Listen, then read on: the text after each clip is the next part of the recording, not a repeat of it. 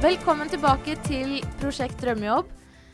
Dette er en podkast som skal hjelpe deg å finne drømmejobben, lande den og holde på den. Tviholde på den. Eh, mitt navn er Ida Haraldsen, og med meg i studio har jeg Marita Ormåsen. Hei, hei. Hei, hei.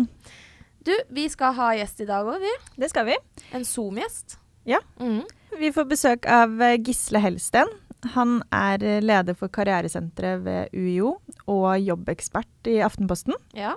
Det er jo Han kan så mye. Mm. Han kan så mye, og det er eh, en blessing at vi får han eh, hit. Mm. Vi har jo hatt to ekspertgjester her tidligere, så jeg gleder meg veldig til å høre på hva han har å si om CV og søknad. Mm. For det er så mange feller å gå i, føler jeg. Og det legger grunnlaget for om man i det hele tatt er med i prosessen eller ikke. Ikke sant?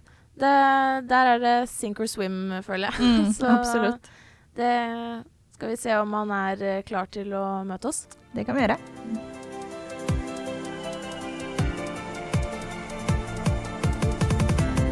Velkommen til deg, Gisle Helsten, leder ved karrieresenteret ved UiO og jobbekspert hos Aftenposten. Tusen takk for det. Ønsker du å fortelle litt om eh, jobben din først? Det kan jeg godt gjøre. Jeg eh, er da leder for et eh, karrieresenter eh, som har totalt åtte mennesker som jobber der. Og vår jobb er jo å gjøre overgangen mellom studier og arbeidsliv så enkel som mulig. Og gjerne begynne litt tidlig i studieløpene, for det er det meste man kan gjøre både med CV og planlegging, det gjør man tidlig i studieløpet og ikke sent i studieløpet. Mm. Det er en ting som har gått igjen, eh, har vi hørt. Begynn litt tidlig. Og, Ja, det er bedre å begynne litt tidlig enn å vente til eh, du er ferdig med eksamen. Ja. Mm. Mm. Det er veldig, veldig godt tips og noe vi må, vi må huske på. Noe vi kan dele videre. For det, jeg har opplevd at det er ikke alltid det er tilfellet. Nei. Det stemmer nok det at de fleste tror at dette med karriere og sånn, som man gjerne sier, er noe som begynner den dagen man har fått en grad, enten ved Oslo Met eller UiO eller hvor det måtte være. en. Da er på en måte terningen kastet. Da må du spille med de korta du har. Men eh, mens du er student, så har du antageligvis ganske mange semestre til å gjøre mange lure ting ved siden av studier. Ja. Mm. Og det som er en godt bevart hemmelighet, det er jo at arbeidsgiver er opptatt av langt mer enn bare fagvalg og karakterer. Det er på en måte forutsetningen for å bli vurdert som en seriøs søker. Det er gjerne hva du har gjort ved siden av studiene som gjør at du skiller deg ut i bunken. Ja, Mm. ikke sant. Men da kan vi jo kanskje gå til det første spørsmålet vi lurer på i eh, sammenheng med CV og søknadsskriving. Mm. For det er eh, noen fallgruver man kanskje bør unngå når man skriver CV og søknad. Og Ja. kan du kanskje si noe om de fallgruvene?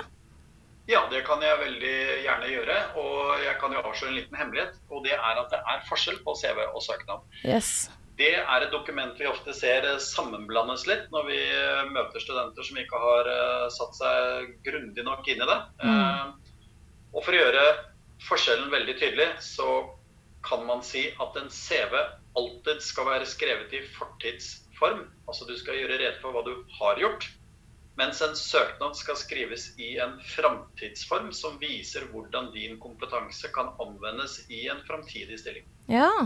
Det har jeg aldri hørt før. Nei. Nei, da var det på tide. for Ja, da var det er skikkelig det på som tide. er eh, på en måte to streker under svaret på det når man skal eh, ta med seg noe fra denne episoden her. Ja, CV, fortid, søknad, framtid. Hvis du husker det, så har du husket meget. ja Yes. ikke sant. Det er jo bra. Ja, det er jo veldig godt tips eh, så tidlig i episoden òg, så det er Ja. Eh, Men eh, sånn eh, når man skal søke jobb, eh, hvordan kan man best mulig tilpasse CV og søknad til den jobben man søker på? Ja, altså det, det krever jo litt arbeid da, å skrive disse CV-ene og søknadene. Og så tror jeg det er viktig å være litt sånn ærlig med hva man kan forvente. Eh, og såkalte eksperter, jeg tilhører den kategorien. Jeg, der skal man jo si at man skal alltid tilpasse CV og søknad eh, til hver enkelt stilling. Eh, hvis man blir litt pragmatiske, så vil jeg si at det er mye viktigere å tilpasse søknaden til en stilling enn Ja. nødvendigvis som å skrive en ny CV hver gang. Hvorfor det? Det, fordi eh, arbeidsgiver er utrolig opptatt av at du har lyst til å jobbe for akkurat han eller henne. Altså akkurat den bedriften. Ja. Eh, hvis det er, la oss si VG og Dagbladet, noen skal ansettes i sporten der, så er det helt avgjørende for VG at du har lyst til å jobbe i VG, og helt avgjørende for Dagbladet at du har lyst til å jobbe i Dagbladet. Selv om du godt kan jobbe begge steder. Og det er å vise at du kan gjøre litt research, vise at du mener alvor. Jeg har lyst til å jobbe hos deg fordi. Mm. Og denne CV-en, da, hvis det er et veldig godt tips der, så, så, må vi være litt ærlige og si at det å skrive sin egen CV, det, det er litt sånn 2014-teknologi. Eh, I dag er det veldig mange databaser eh, som man bare må forholde seg til. Mm. Mest sannsynlig så skal alle som søker jobb framover, sende av gårde en digital CV, en digital søknad. Mm. Så ha en digital uh, CV i Word-format, uh, det, det, er helt fint. Altså, den kan du fikse og trikse med sånn som du vil selv, slik at den blir pen ut. Men man må på LinkedIn. Altså, mm. Jeg blir litt sånn overrasket over når jeg ser hvor få studenter som egentlig er på LinkedIn. Ja. Det er en digital, digital, base. Kom dere dit. Mm. Og så er det litt sånn forarbeid man kan gjøre. Det er å finne ut av de mest vanlige og brukte uh, databasene i, i, Norge, som er Webkruter, Jobb-Norge, de som går igjen. Der må du opprette en profil. Det tar tid. Just do it. Ja. Er det sånn at du kan bli funnet av eh, folk som rekrutterer, selv om du kanskje ikke søker eh, aktivt på jobber da? Ja, det er det som er eh, Ikke så mye på webkruter, for det er mer enn en sånn hva skal vi si, da, metode arbeidsgivere bruker for å sile søkerne sine og holde orden og reda på det der. Mm. Men LinkedIn er jo så mye mer enn bare en, en CV. Altså CV er en mikroskopisk del av LinkedIns muligheter. Og ja, rekrutterere bruker LinkedIn på en annen måte enn uh, vi som bare har en gratisversjon. Ja. Mm. Og ja, du kan få jobb uh, og bli funnet mens du studerer. Uh, og enda bedre, det er jo at teknologien i dag gjør at du kan appellere til latskap, som jeg pleier å si. Det er at du rett og slett legger inn noen søkekriterier eh, som ruller og går. Og når det blir treff i LinkedIns enorme stillingsdatabase, så vil du få et push-varsel på din smarttelefon og si nå har vi funnet en stilling som matcher dine kriterier. Ja. Da kan du legge din smarttelefon ved siden av skolebøkene mens du skriver masteren din, og plutselig sier det pling, og så har du fått en jobb. Ikke? Til, ikke, ikke, tilbud, men en jobbeskrivelse som kan passe. Mm. Det var ikke dumt. Så det er rett og slett smart å komme på LinkedIn. Og enda bedre, det er jo så enkelt å søke på LinkedIn. I hvert fall mange stillinger. Du, trenger, du slipper å skrive søknad.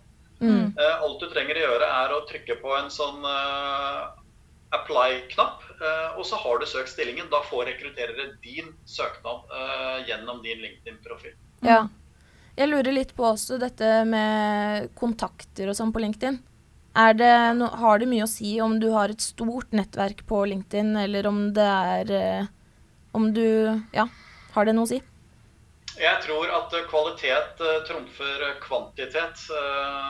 Og så tror jeg ikke man skal være så strategiske når man velger, velger, kontakter.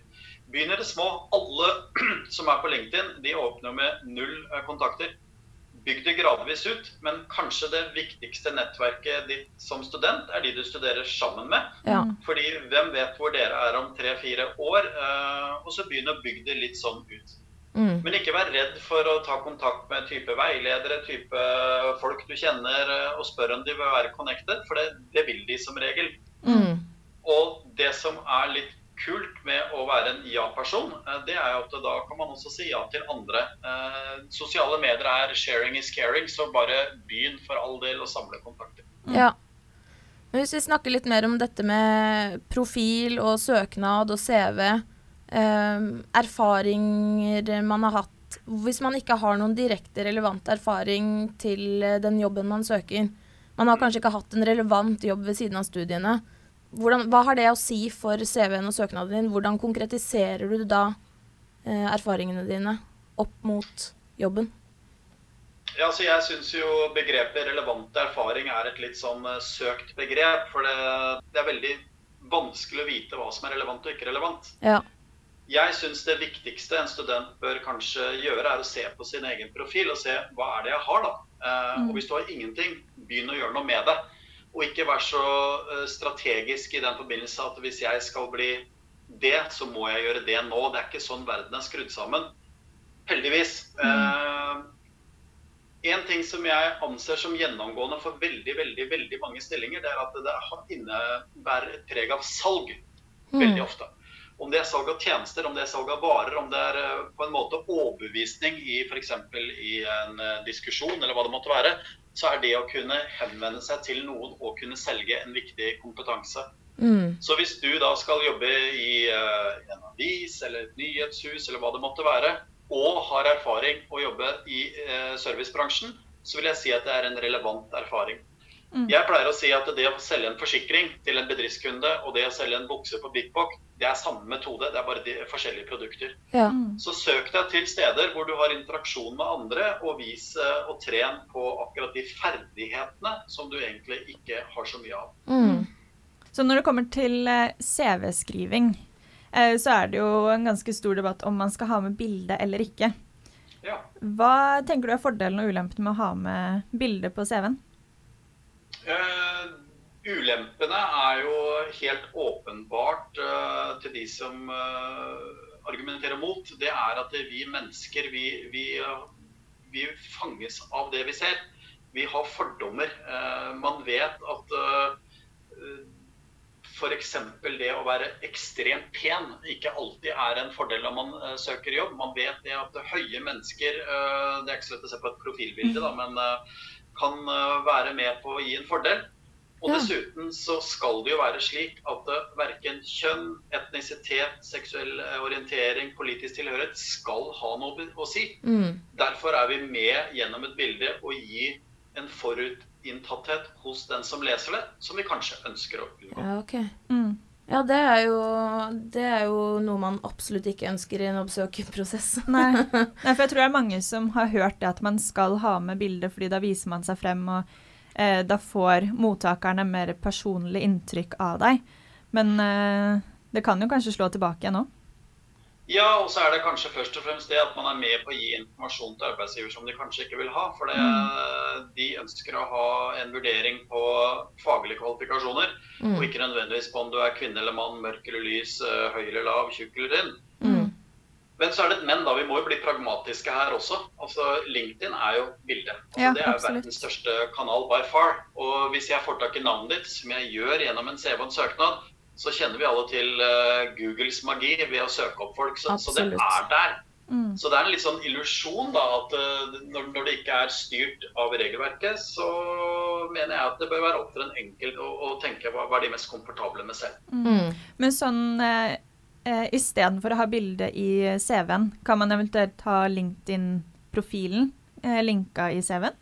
Jeg vil jo bytte ut ordet 'kan' med 'bør'. eh, Og rett og slett si det at i 2020 så er man på LinkedIn, og man gjør rede for LinkedIn-profilen. Man kan gå inn og, og se mer utfyllende av hvem personen er på LinkedIn. Ja, ikke sant. Det er veldig lurt. Hva med formalitet i søknaden og CV-en? Sånn språk. Eh, hvordan eh, skal man være formell? Skal man være dagligdags? Eh, Nei, Du skal være profesjonell, tror jeg er det beste begrepet jeg kan ha. Du skal vise at du er klar for oppgaven, du er klar for kulturen som representerer bedriften. mm. Og det er på en måte litt mer den, det, det formelle språket du skal inn på der.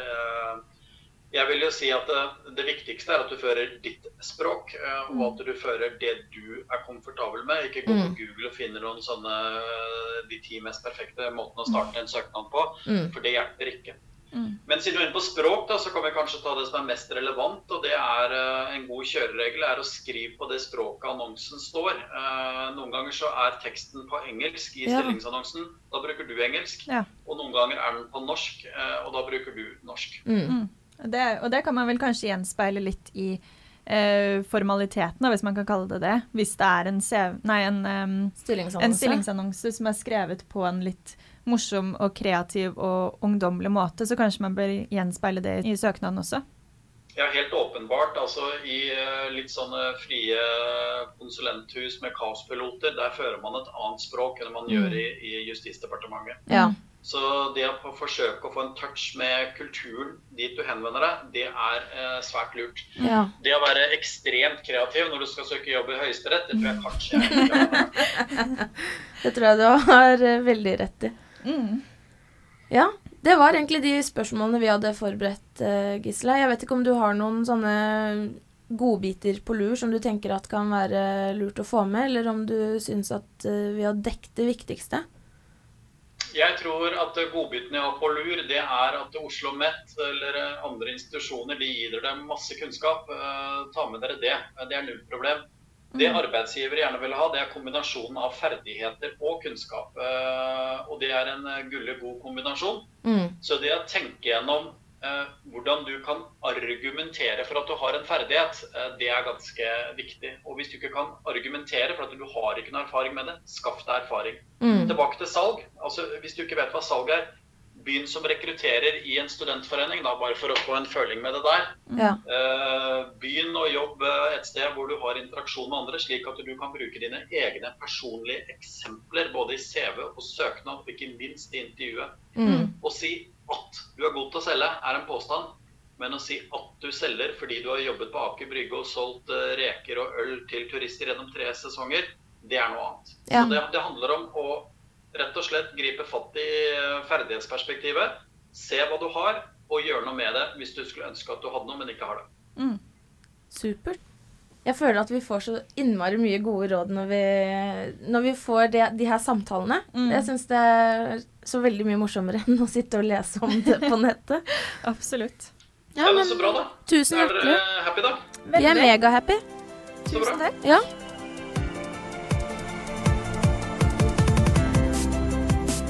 Ja, Marita. Det er én ting jeg tar så sykt med meg fra det her nå. Det er Mm. LinkedIn. Det er tredje episoden vi har hvor, altså, med forskjellig tema, Mm. og alle bare Ja, du må ha LinkedIn! Ja. Og jeg tenker jeg, jeg har jo LinkedIn, men fortsatt nå så blir jeg sånn OK, step, stepp det opp tre hakk, Mm. liksom. Fordi det, det er visst så viktig, da, for en som skal ansette deg, å se, Mm. se søknaden din. eller Jeg har aldri tenkt over at man kan søke jobber direkte via LinkedIn heller. Nei, ikke jeg heller. Så det er jo noe å ta med seg. Og alle disse gruppene hvor man kan uh, gå inn og se ledige stillinger og, Mm. og sånt, det er jo gull verdt. Ja, det er det. Og så syns jeg at det er litt gøy å få en sånn mulighet til å få en ekspert til å fortelle oss hva er det som folk gjør feil. Mm. Fordi da da får man på en måte silt ut sånn det du i hvert fall ikke skal gjøre. Mm. Og jeg tror sikkert at jeg har falt i noen av de fellene der Mm. før selv. Og nå som man Nå har jeg jo søkt en del jobber i det siste, og da Mm. lærer man seg etter hvert at, eh, at man skal eh, gjøre det på en viss måte for å kanskje skille seg ut, eller at det skal eh, være interessant å lese. Mm. Men at folk skriver søknad og CV som én, Mm. det tenker jeg er sånn første fy-fy, Ja. don't do it. Det er to forskjellige ting, Ja. og det um, tror jeg det er mange som ikke tenker over. Ja. Og ja, har du noen flere tips som du ville liksom dra frem? eh? Jeg syns det han sa med bildet er ganske interessant. Ja. At da sender man signaler til arbeidsgiver som man kanskje egentlig ikke ønsker å sende. ja. At de forhåndsdømmer eller de ser på bildet og tenker at det her er en person jeg føler jeg ikke kommer til å komme overens med, eller Ja. at det er hårfarge, at Ikke sant? ja, man diskriminerer litt, da. Og det Absolutt. Vi er bare folk. folk. Vi er bare Vi er folk, bare vet folk. du. Og derfor så tenker jeg at eh, kanskje jeg skal ikke ha bilde neste Mm. gang. Jeg har egentlig hatt bilde på de siste CV-ene jeg har sendt inn. Ja, jeg har alltid hatt bilde, rett og slett Ja. bare fordi det er det jeg har hørt at man skal. Men Ja. eh, det kan jo slå litt tilbake. Mm. Neste uke så får vi jo snakket med Torunn Riser. Mm. Og hun skal fortelle oss eh, om hvordan vi kan eh, håndtere jobbintervjuet, som Mm. jo ofte kan være en skremmende situasjon for veldig mange. Ja, Jeg gleder meg. det gjør jeg òg. Jeg føler på en måte vi snart har en sånn komplett guide til hvordan livet. Intervjuet er det siste steget, så da ja. Ja. Veldig nyttige tips fra alle sammen. Det tror jeg det blir. Mm. Ha det bra. Vi høres i neste episode.